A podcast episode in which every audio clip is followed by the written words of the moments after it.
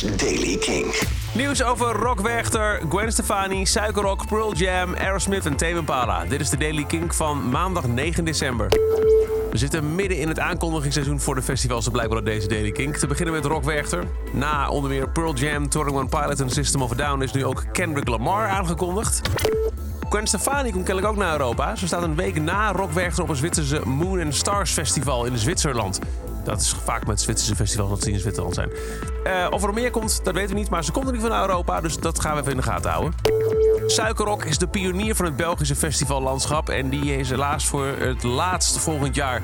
De gemeente werkt niet mee om de toekomst voor het festival te garanderen. Dus is er na 34 keer na 2020 geen nieuwe Suikerrock. De laatste editie wordt ingeluid met een farewell party op 30 juli in, de, in op de Grote Markt. En de eerste twee namen voor het festival zelf die zijn ook bekendgemaakt. Vrijdag 31 juli kun je naar Sisters of Mercy en The White Lies.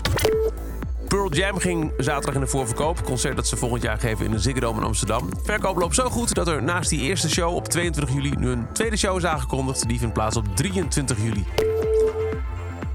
Aerosmith heeft zichzelf aangekondigd voor Glastonbury, een zelfbevestiging. Maar ook officieel aangekondigd voor de Graspop Metal Meeting. Dat is de enige Benelux-show die ze doen, zo wordt nu gezegd. Dus een concert in Nederland zit er niet in.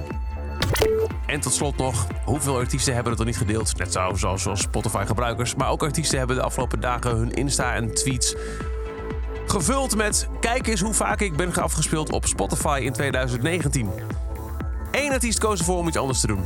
Leuk al die Spotify-cijfers, zegt Tame Impala, maar dit lijkt ons wat relevanter.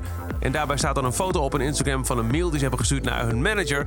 met daar een verzoek om de status voor platina voor een paar tracks aan te vragen. Het gaat onder meer om Feels Like We Only Go Backwards and Let It Happen... en The Less I Know The Better, die volgens die e-mail het afgelopen jaar viral is gegaan op TikTok.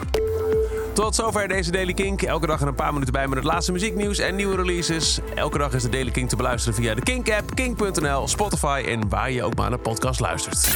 Elke dag het laatste muzieknieuws en de belangrijkste releases in de Daily Kink. Check hem op kink.nl of vraag om Daily Kink aan je smart speaker.